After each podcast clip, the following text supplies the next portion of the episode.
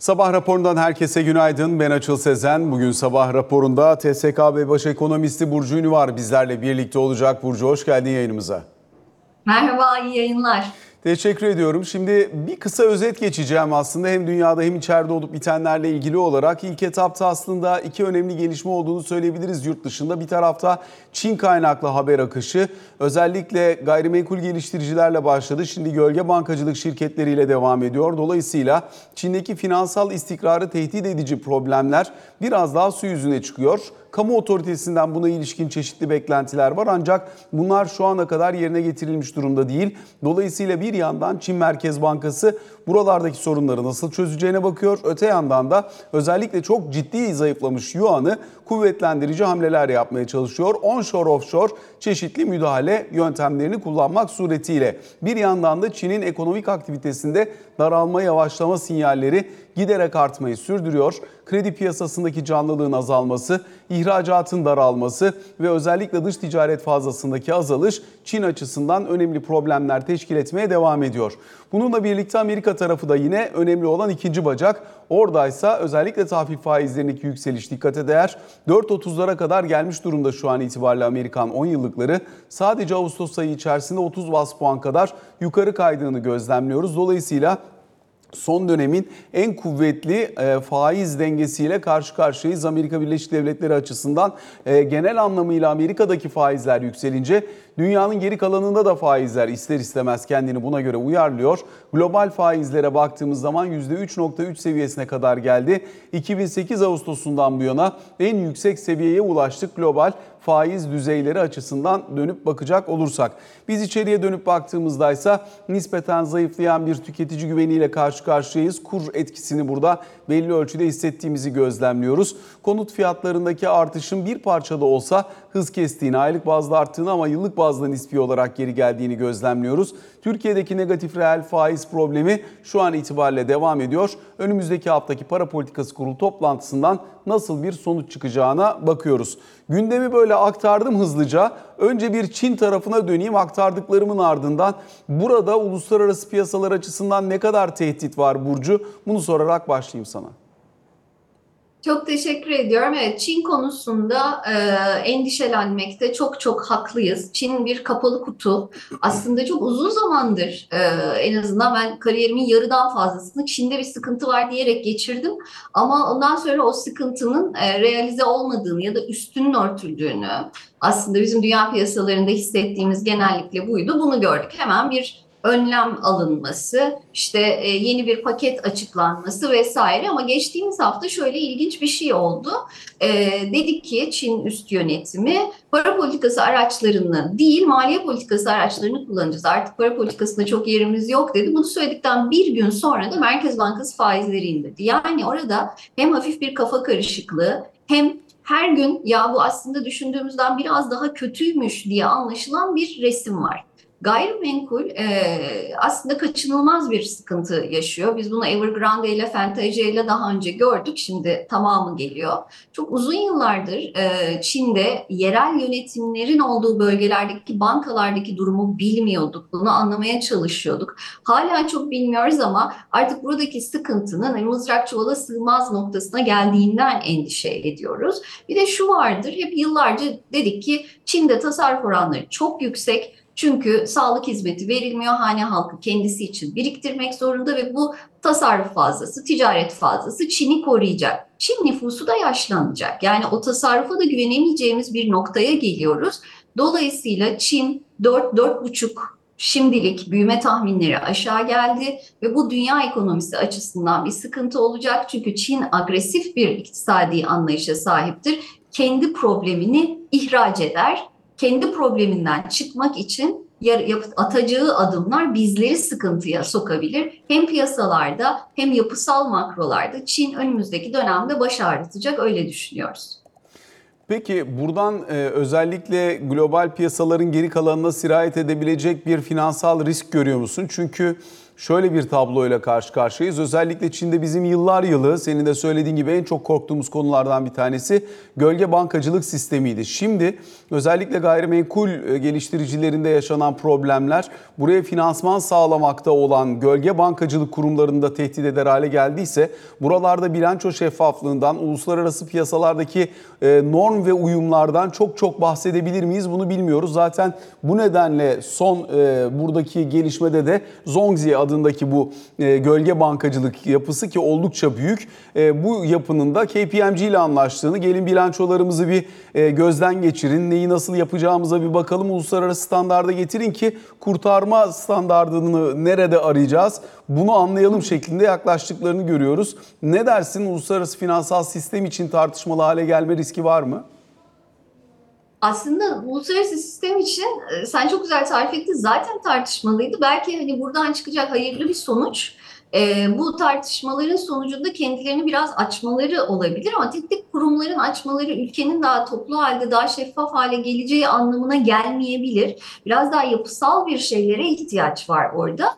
Fakat Çin konusunda şunun e, altını çizmek isterim. Çin e, uluslararası piyasalardan çok borçlanan bir ülke.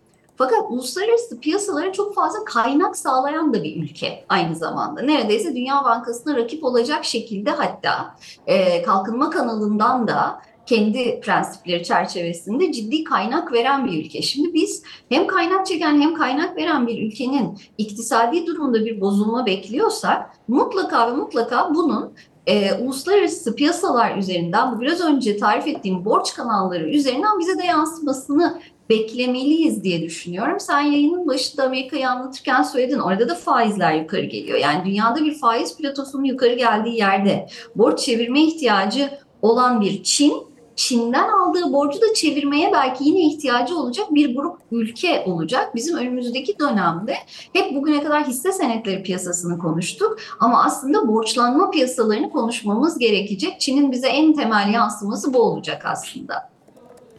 Peki Özellikle biraz önce Çin'in borçlanabilen bir ülke olduğundan bahsettin. Ee, aslında e, 2000'li yılların başından bu yana da baksak, işte 2008-2009 kriz döneminden de baksak, e, dolar cinsinden borcu en fazla artan iki ülkeden bir tanesi için, diğeri de Türkiye'ydi. Biz bir miktar kaldırıcı azaltmak durumunda kaldık yaşanan gelişmelerle birlikte. Fakat daha önceki yıllarda bu tür problemler ortaya çıktığında Çin hem kendi iç dinamikleriyle hem de dışarıdan sağladığı kuvvetli finansmanla buradaki baskıları absorbe etme şansı bulabiliyordu.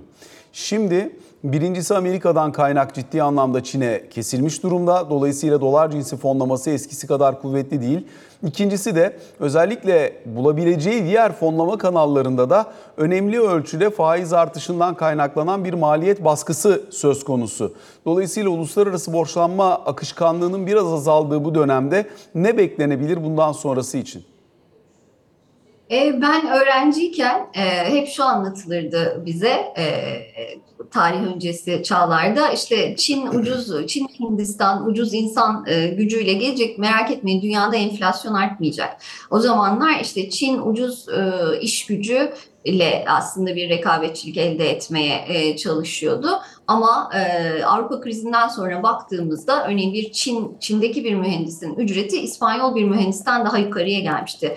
Çin kendi dinamiklerini değiştirdi. Farklı bir ekonomi olma yolunda adımlar attı. Fakat yatırımları ve üretimi bir miktar daha çözmesine rağmen tüketim problemini hiçbir zaman tam olarak çözemedi. Yani Çin'in tüketimini, ürettiği malların tüketimini yurt dışında yapması gerekiyor. Bu nedenle de uluslararası ticaret kanalı onun için çok önemli. Ama 20 sene önceki uluslararası ticaret kanalı bugün o mantıkla çalışmıyor. Daha korumacı bir ülkede daha korumacı bir dünyada yaşıyoruz. O nedenle o tarafta da çok dikkatli olması gerekecek. Bunu gören Çin ekonomisi hem borç vermeye devam edecek. Bu Çin ekonomisinin bir stratejisi çünkü hem borcunu çevirmek zorunda kalacak.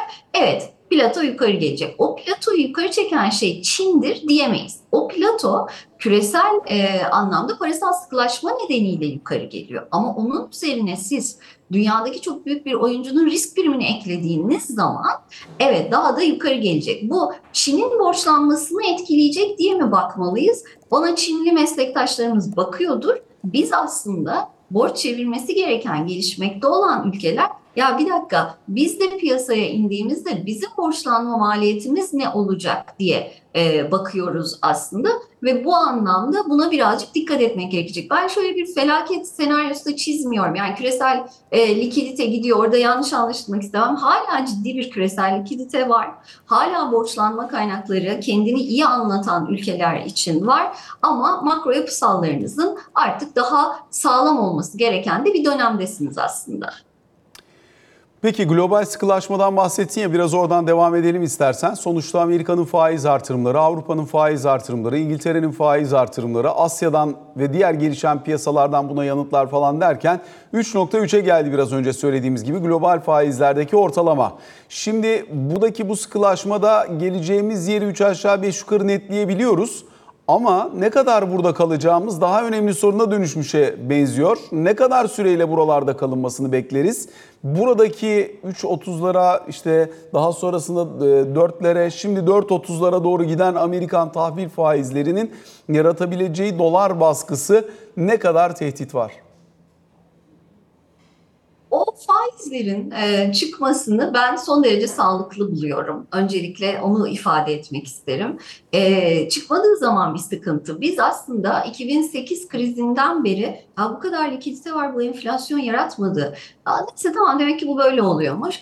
Ondan sonra da işte geçtiğimiz yıllarda ne demeye başladık? Ya bu kadar sıkılaşma var. Niye piyasadaki faizler artmıyor? Niye e, işsizlik üzerinde, istihdam üzerinde etkisini görmüyoruz? Artık biz bu e, aktarım mekanizmasını görüyoruz. Yani konut piyasası tarafında da görüyoruz, tahvil bonoda da görüyoruz. Bazen şu soruyla karşılaşıyorum. Yani çekirdek göstergeleri iyileşmeye başladı. Neden bu faiz yukarıda?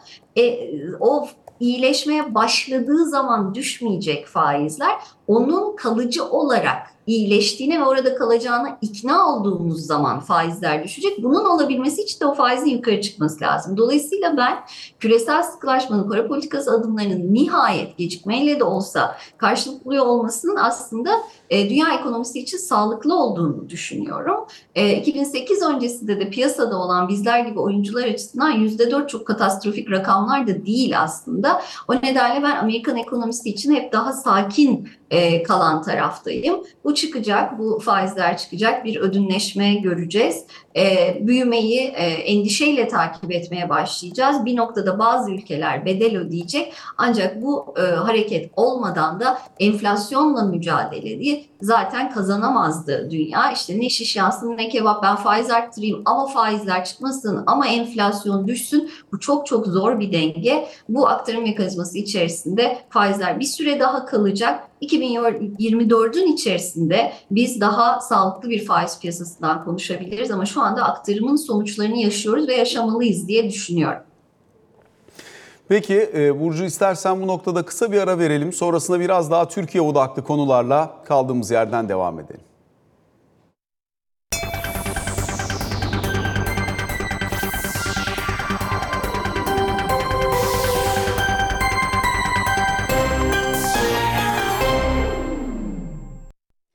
Sabah raporunun ikinci bölümüyle karşınızdayız. TSKB Baş Ekonomisti Burcu Ünüvar'la sohbetimize kaldığımız yerden devam ediyoruz. Burcu önümüzdeki hafta Para Politikası Kurulu toplantısı var. Yeni Para Politikası Kurulu'nun ilk toplantısı olacak. Dolayısıyla hem dilde bir beklentim var mı farklılaşma anlamında hem Merkez Bankası'nın duruşuna dair bir değişim öngörün var mı? Aslında dilde bir değişikliği son iki aydır görüyoruz. Ee, ciddi bir değişiklik de diyebiliriz sanıyorum e, dilde anlatılan, sözle anlatılan şeyle piyasanın okuması, Merkez Bankası'nın anlattığıyla piyasanın okuması oldukça kesişiyor artık. Çok fazla fark kalmadığını düşünüyorum. Fark belki e, faizin seviyesinde yani o ilk e, paragrafta aslında tabii o da önemli bir fark ama kalanında işte enflasyon riskinin devam ettiği gibi vurgular Merkez Bankası ile piyasanın okumasını birbirine yakınlaştırdı. Faiz seviyesi konusunda ise e, Merkez Bankası Başkanı değiştiğinde, Sayın Başkan geldiğinde piyasadaki beklentiler oldukça yüksekti. Şimdi yavaş yavaş şunu anlıyoruz ki Merkez Bankası birkaç tane e, temel noktaya dikkat edecek stratejisinde. Bir, sadece faiz oranı üzerinden bir e, hareket yapmayacak, toplam sıkılaştırmaya bakacak toplam sıkılaştırma adımlarının yapılabilmesi için de politikayı e, sadeleştirmesi gerekiyor.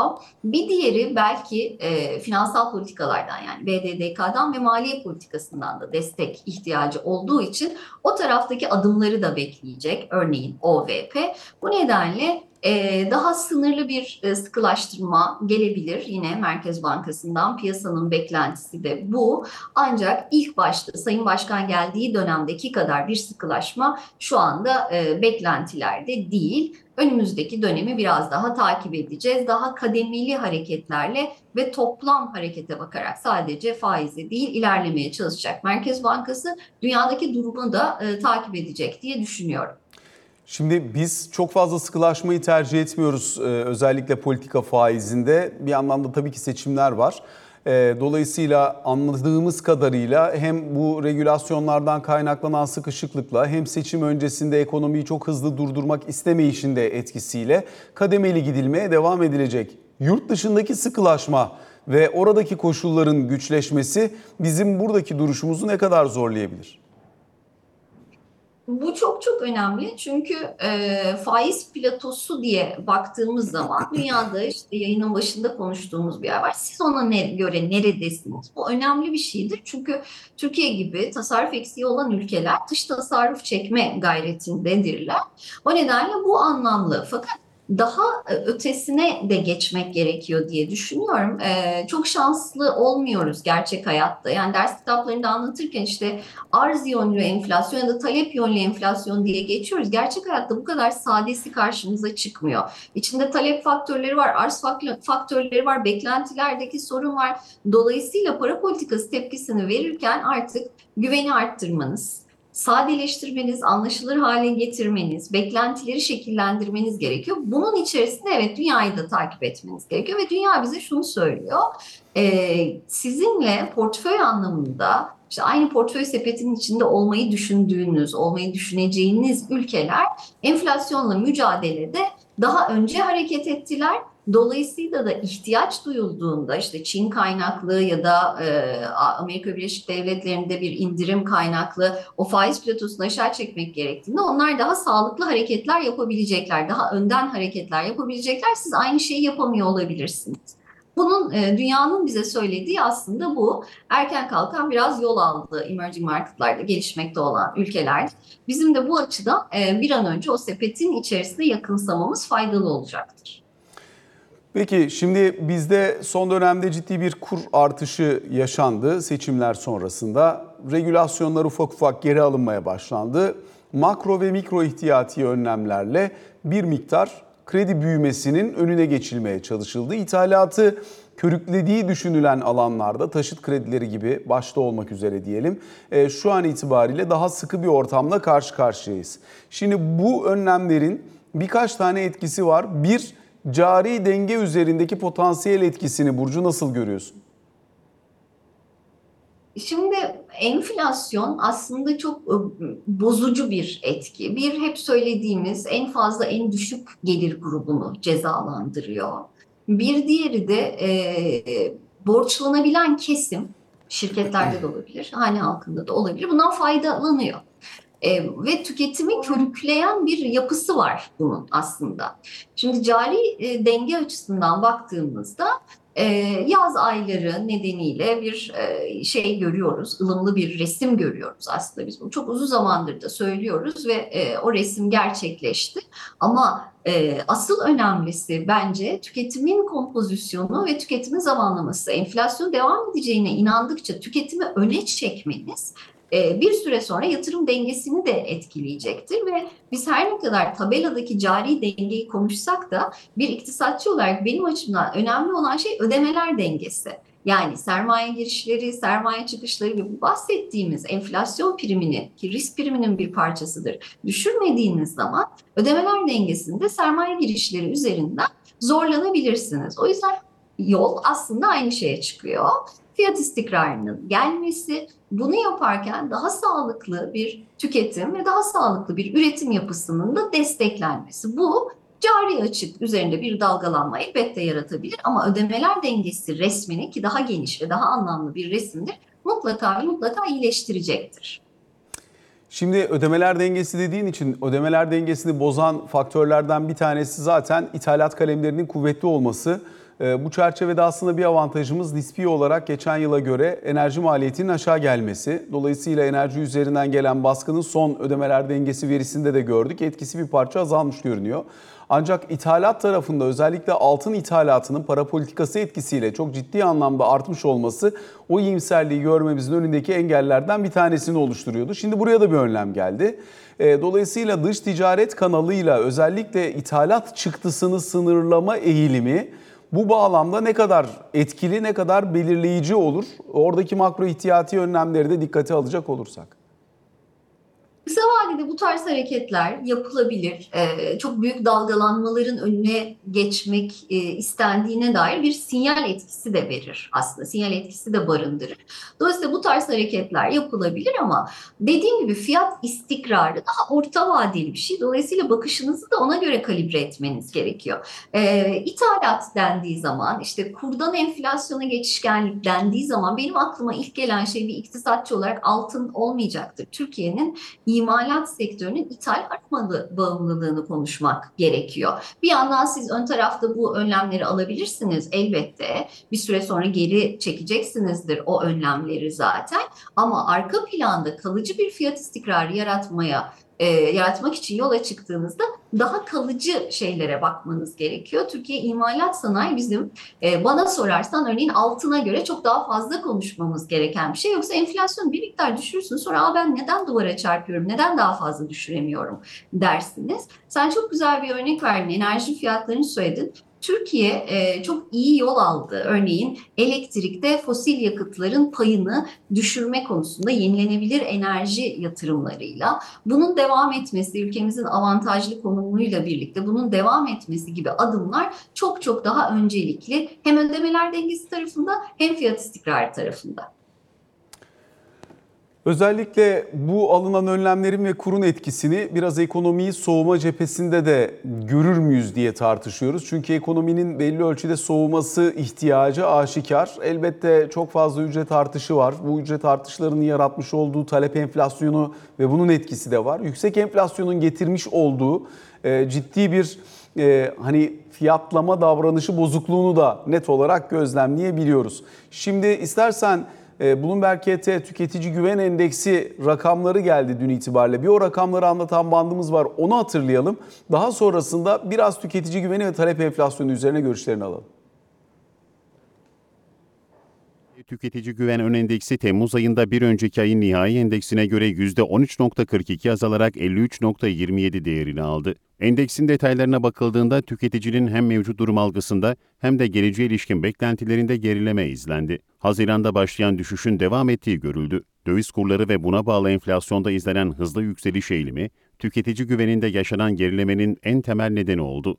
Özellikle benzin ve motorin fiyatlarında yaşanan güçlü artışların düşüşü hızlandırdığı izlendi. Bu çerçevede Bloomberg KT Tüketici Beklenti Ön Endeksi bir önceki aya göre %15.22 gerileyerek 58.90 değerini aldı.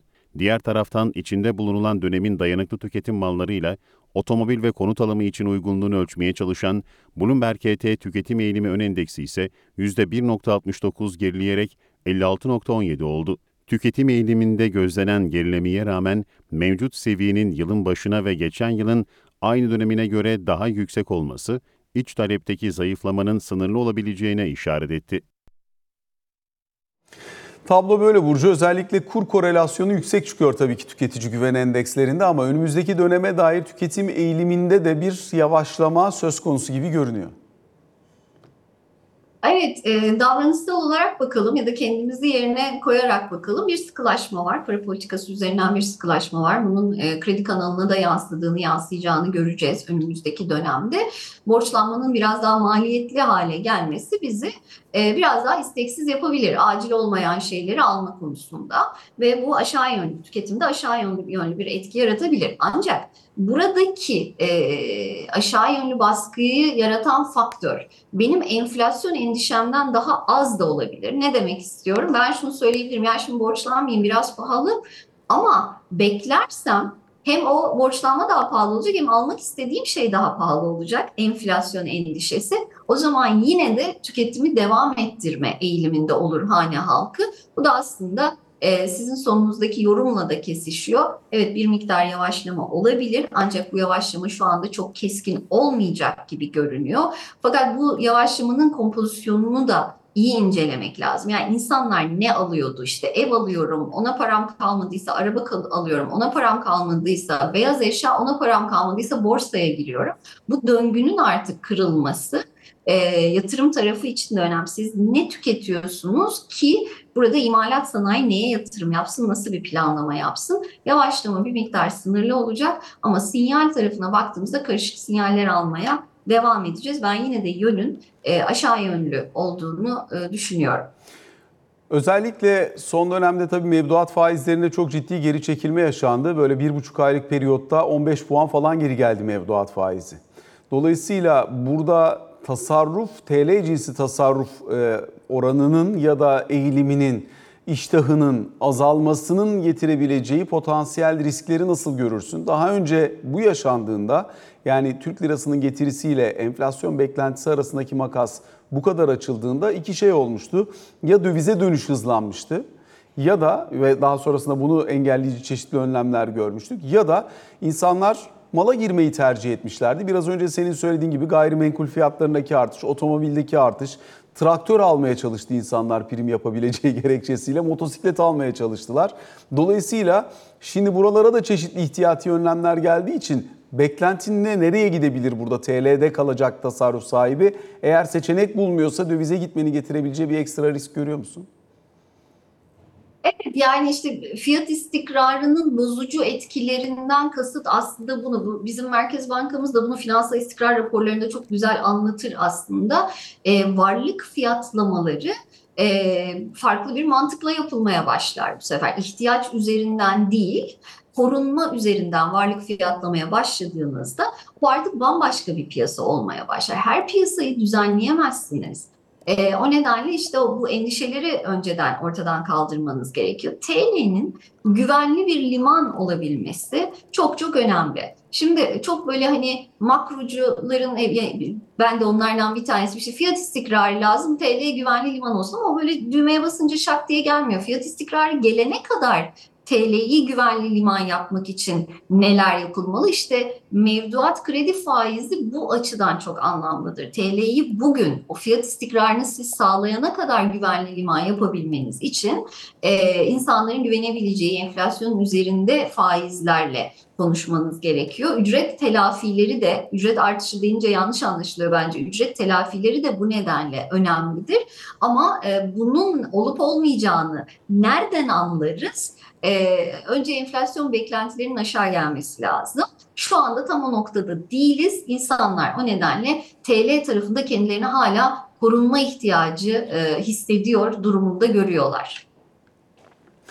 Peki e, yine bundan sonrası için tabii KKM seçeneklerden bir tanesi olmaya devam ediyor. Oralarda 20'nin üzerinde bir getiri söz konusu. Dolayısıyla 27, 28, 29 buralarda mevduat faizi mi yoksa 20, 22, 23 buralarda bir KKM faizi mi denildiğinde e, her ikisinde de enflasyona karşı kaybediyorsam ben en azından döviz tarafındaki bedava opsiyonu kendime alayım diyen yatırımcıların buraya teveccühünün arttığını, içsel büyüme oranının üzerinde bir artışı da gözlemlediğimizi anlıyoruz kur korumalı mevduat tarafında. Bir yandan bunun bir seçenek ve maliyet olarak kamu tarafından azaltılması yönündeki isteği arzuyu anlıyoruz. Çünkü böyle devam etmeyeceğinin, etmemesi gerektiğinin herkes elbette farkında.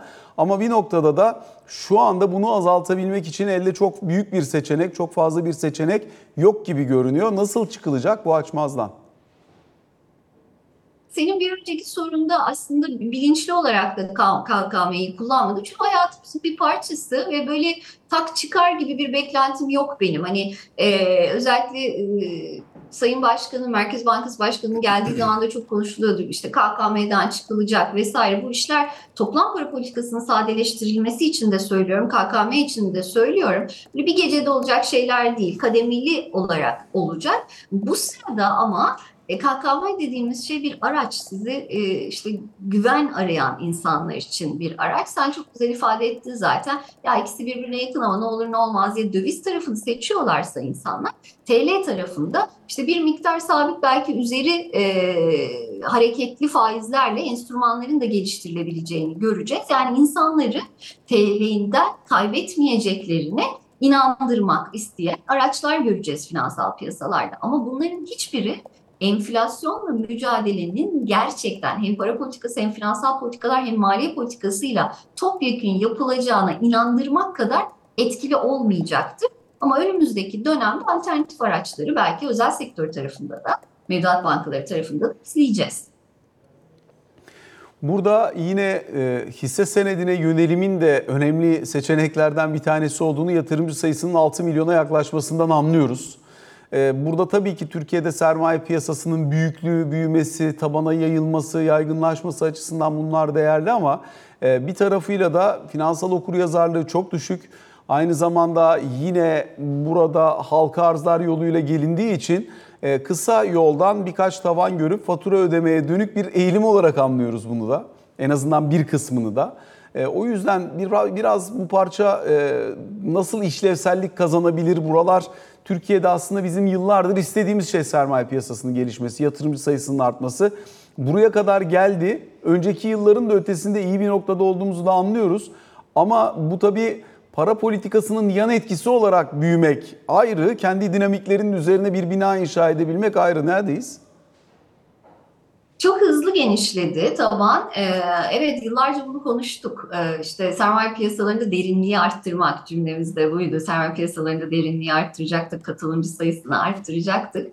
Ee, ama bunun e, bir e, belli bir finansal okuryazarlıkla e, ve belli bir yatırım bilgisiyle gelmesi önemli. Küçük yatırımcının e, şu andaki kafasındaki şey ya sürekli kazandırıyor ise böyle bir e, yatırım aracı aslında yok. Yani sadece borsa için söylemiyorum ben bunu. Hiçbir yatırım aracı sürekli kazandırmaz. Yatırım araçlarının özelliği budur zaten. O nedenle bu finansal bilgilendirmenin e, çok iyi yapılması gerekiyor. Buradan eğer ulaşabileceğimiz e, bireysel yatırımcı varsa profesyonellerle çalışmaları son derece sağlıklı olacaktır. Ama belki şunu söyleyebiliriz. Evet Türkiye'nin büyüme potansiyeli e, potansiyelin altında büyüse bile benzer ülkelerden hala daha iyi büyüyor olması, şirketlerin elindeki döviz e, pozisyonunun bir artı olarak yazması, ihracat şirketler bunlar e, Türkiye'de borsa açısından bir hikaye yazıyor ve bu iyi bir hikaye ama e, her iyi hikaye al demek değildir. Bir de bu işin zamanlaması vardır. Bu da e, işlem bilgisi gerektirir. O nedenle o taraf önemli. Bir de bazen borsayı ya da yatırım araçlarını konuşurken atladığımız, unuttuğumuz bir şey oluyor. Bunların ikisinin eş anlı gelişmesini isteriz. Orayı da eklemek isterim. Vergi tabanı. Yani siz yatırımcı tabanının genişlemesini istiyorsanız aslında vergi tabanının da genişlemesini istemelisiniz. Ee, çok kazananla az kazanan, görece az kazanan arasındaki dengenin de kurulmasını istemelisiniz. Türkiye'de bizim e, vergi politikaları, maliye politikaları üzerinden de yeniden bir değerlendirmeye ihtiyacımız var. Bu konuda da bir reform ihtiyacı var aslında. Son soru Burcu. Arjantin'de aşırı sağcı bir lider başa geldi. Merkez Bankası'nı kapatacağını, borcu ödeyeceğini söylüyor ama Merkez Bankası'nı kapatıp tamamen parayı dolara döndüreceğinden bahsediyor. Özellikle bu yüksek faiz baskısı, fakirleşme, işsizlik ve globalleşmeden beklediğini bulamayan, gelişmiş gelişen hemen hemen bütün piyasalarda siyasi aşırılaşma, uçlara kayma bir risk olarak karşımıza çıkmaya devam ediyor. Arjantin 98 yılından bu yana krizde. Dolayısıyla artık orada yeter noktasına gelmiş olması halkın çok anlaşılabilir. Ama bu radikalleşmeyi ve Arjantin özelindeki tabloyu hani biraz da laboratuvar ortamı olduğu için modern iktisat tarihinde çok az benzer örnek gördük biz. Nasıl yorumluyorsun? Valla dün gördüm ben de haberi çok çok ilginç geldi. Çünkü e, merkez bankacılığının tarihi çok keyifli bir tarihtir. Ve bize aslında şunu söyler. Ne zaman bir ülke e, iktisadi olarak başı derde girse ve bunu çözemese Merkez Bankası kurmuş işte. Napolyon savaşlarından sonra hiper enflasyonu çıkmış kimse kurtaramamış gelin bakalım demişler Merkez Bankası kurulmuş vesaire.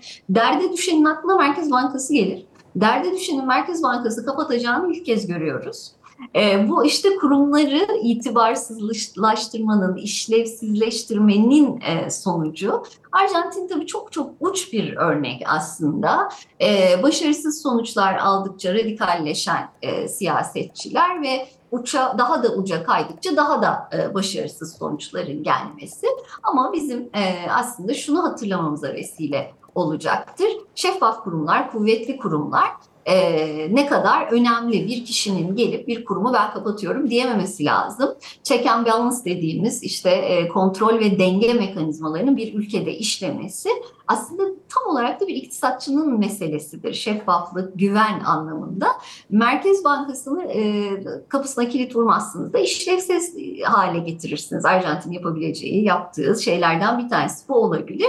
Bu iyi bir şey değil şakası bile tatsız. Bizim işleyen e, bilimsel anlamda da işte literatürü takip eden, işleyen iktisat politikasına katkı veren kurumlara ihtiyacımız var. O nedenle e, şakası bile tatsız ama maalesef devamının geleceği, bu tarz söylemlerin devamının geleceği bir e, resim bizi bekliyor ve maalesef bunlar da bulaşıcı oluyor. Önümüzdeki dönemde e, bu liderin işte e, bu tarz profillerin birbirlerini besleyici söylemlerine de şahitlik edebiliriz yine o coğrafyada. Sevgili Burcu Ünüvar çok teşekkür ediyoruz bu sabahı bizlere ayırdığın ve sorularımızı yanıtladığın için. Sabah raporuna böylelikle son noktayı koymuş oluyoruz. Hoşçakalın.